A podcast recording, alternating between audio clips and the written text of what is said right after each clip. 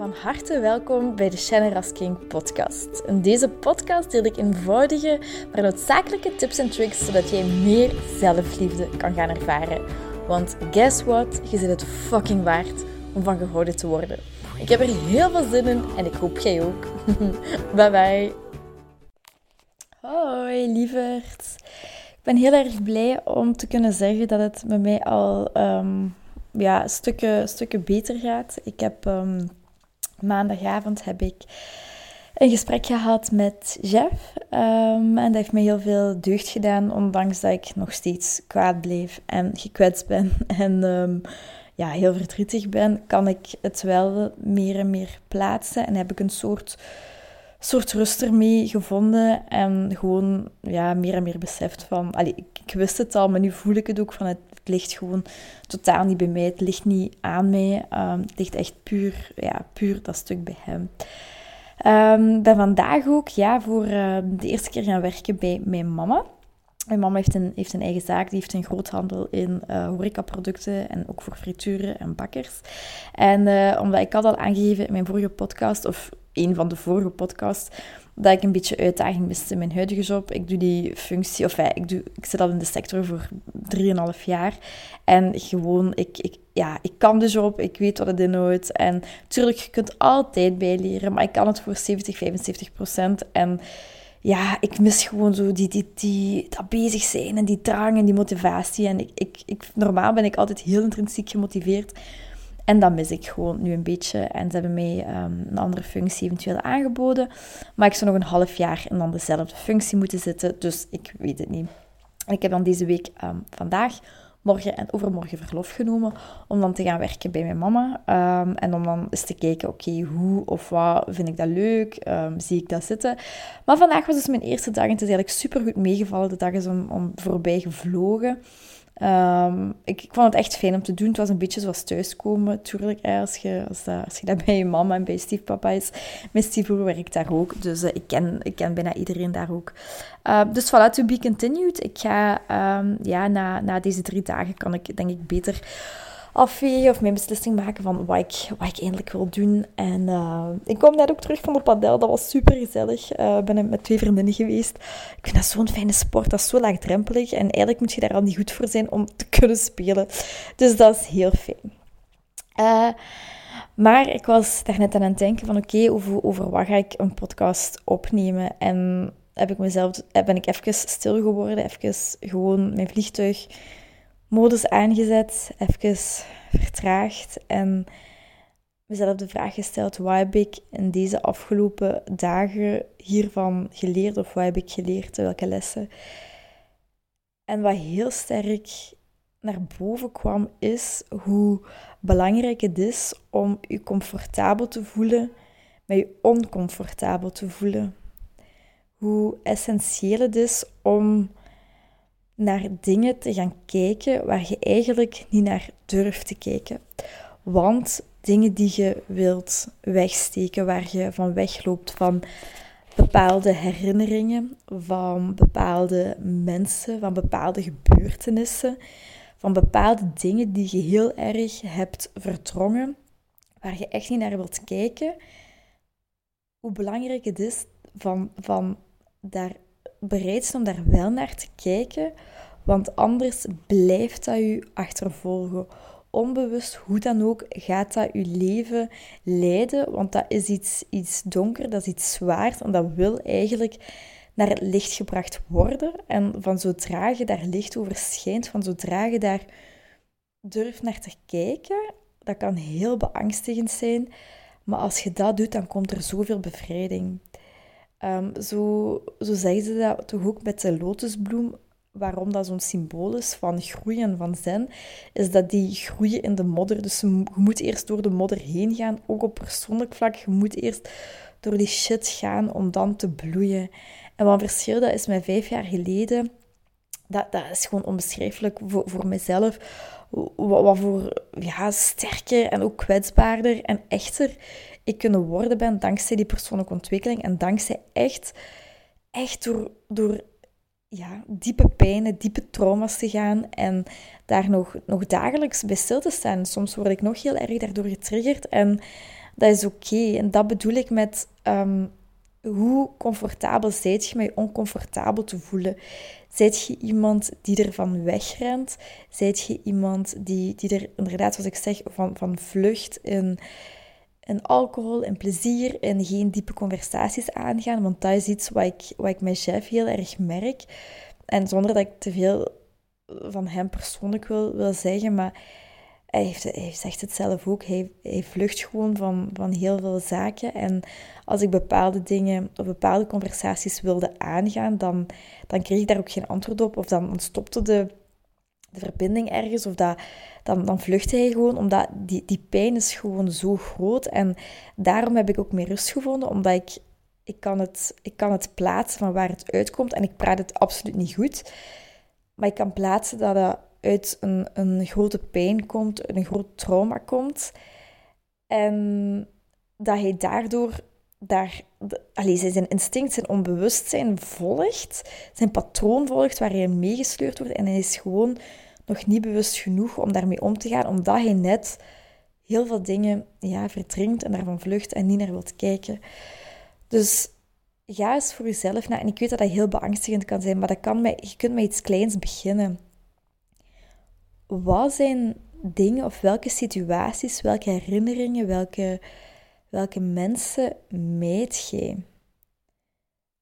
Wat is een, een pijnlijke herinnering? En je moet niet met de pijnlijkste beginnen, je, maar je voelt zelf, wanneer je daar dan over nadenkt, dan gaat je waarschijnlijk een drang voelen van nee, ik wil daarvan weggaan.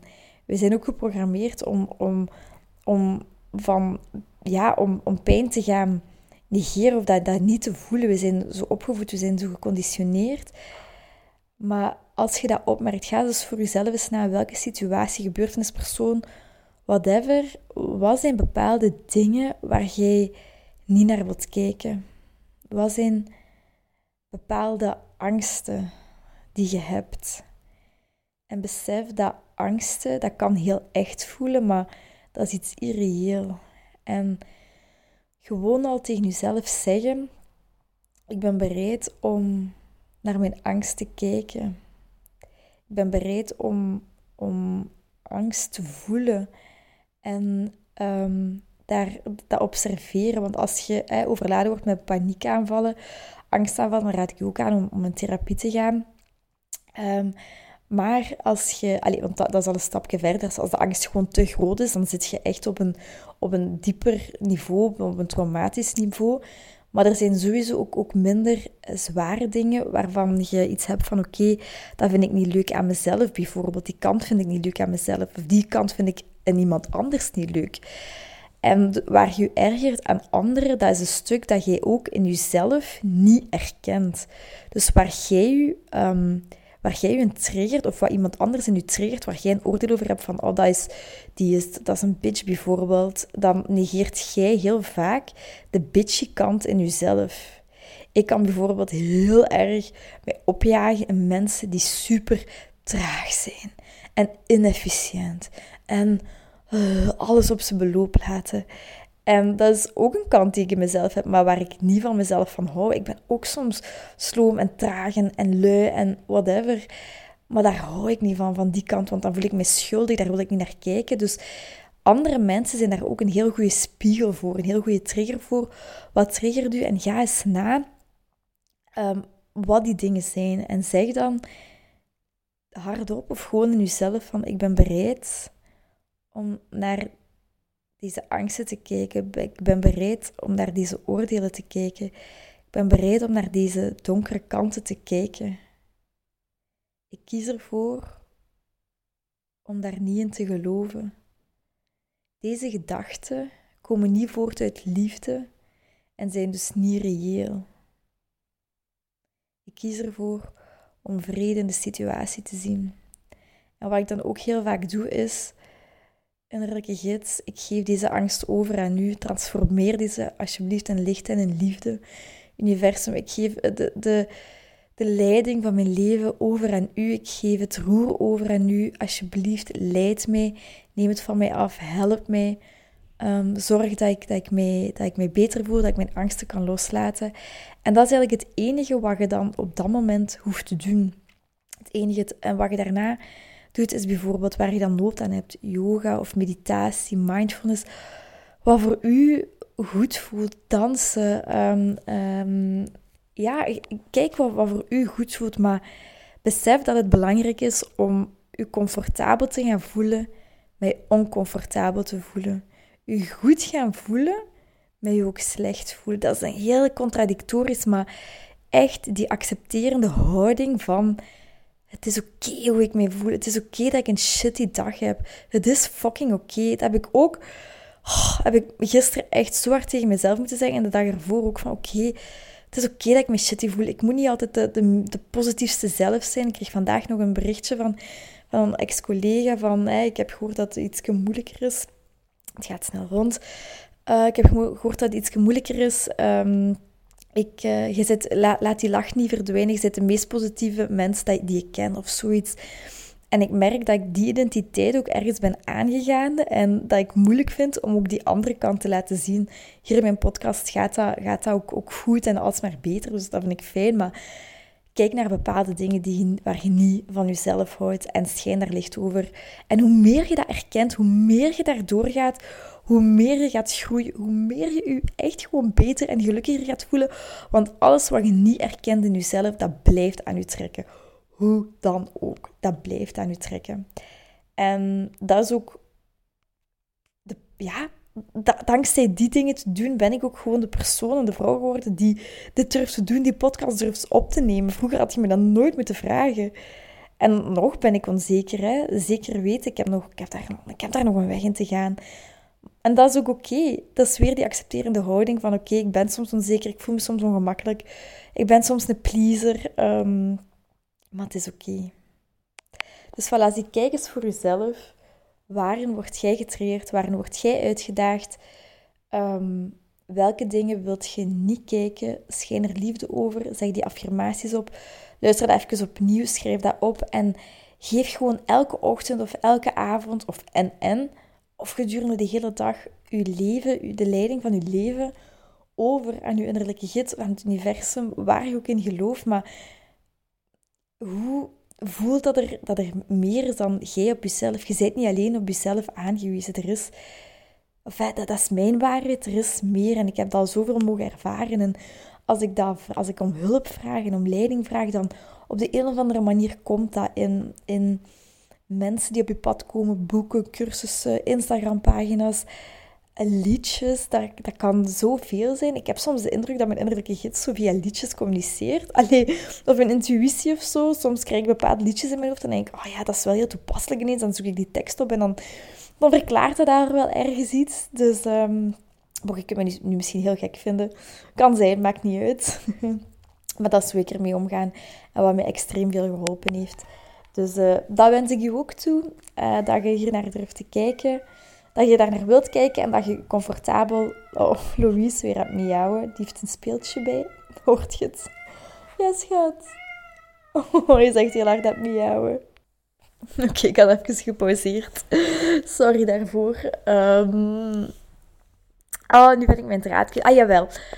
Dat je je comfortabel met het oncomfortabel voelen mocht voelen en dat je een accepterende houding daarvoor kunt aannemen. Dat je meer en meer jezelf graag leert zien. En wat me daar ook in helpt, is bepaalde beslissingen of beseffen dat je niet per se nu een beslissing moet nemen. Als je bijvoorbeeld met iets zit of getwijfeld, of zoals nu met, hè, met Jeff bijvoorbeeld, ik hoef nu geen beslissing te maken van oké, het is gedaan voor altijd of we zijn wel nog samen.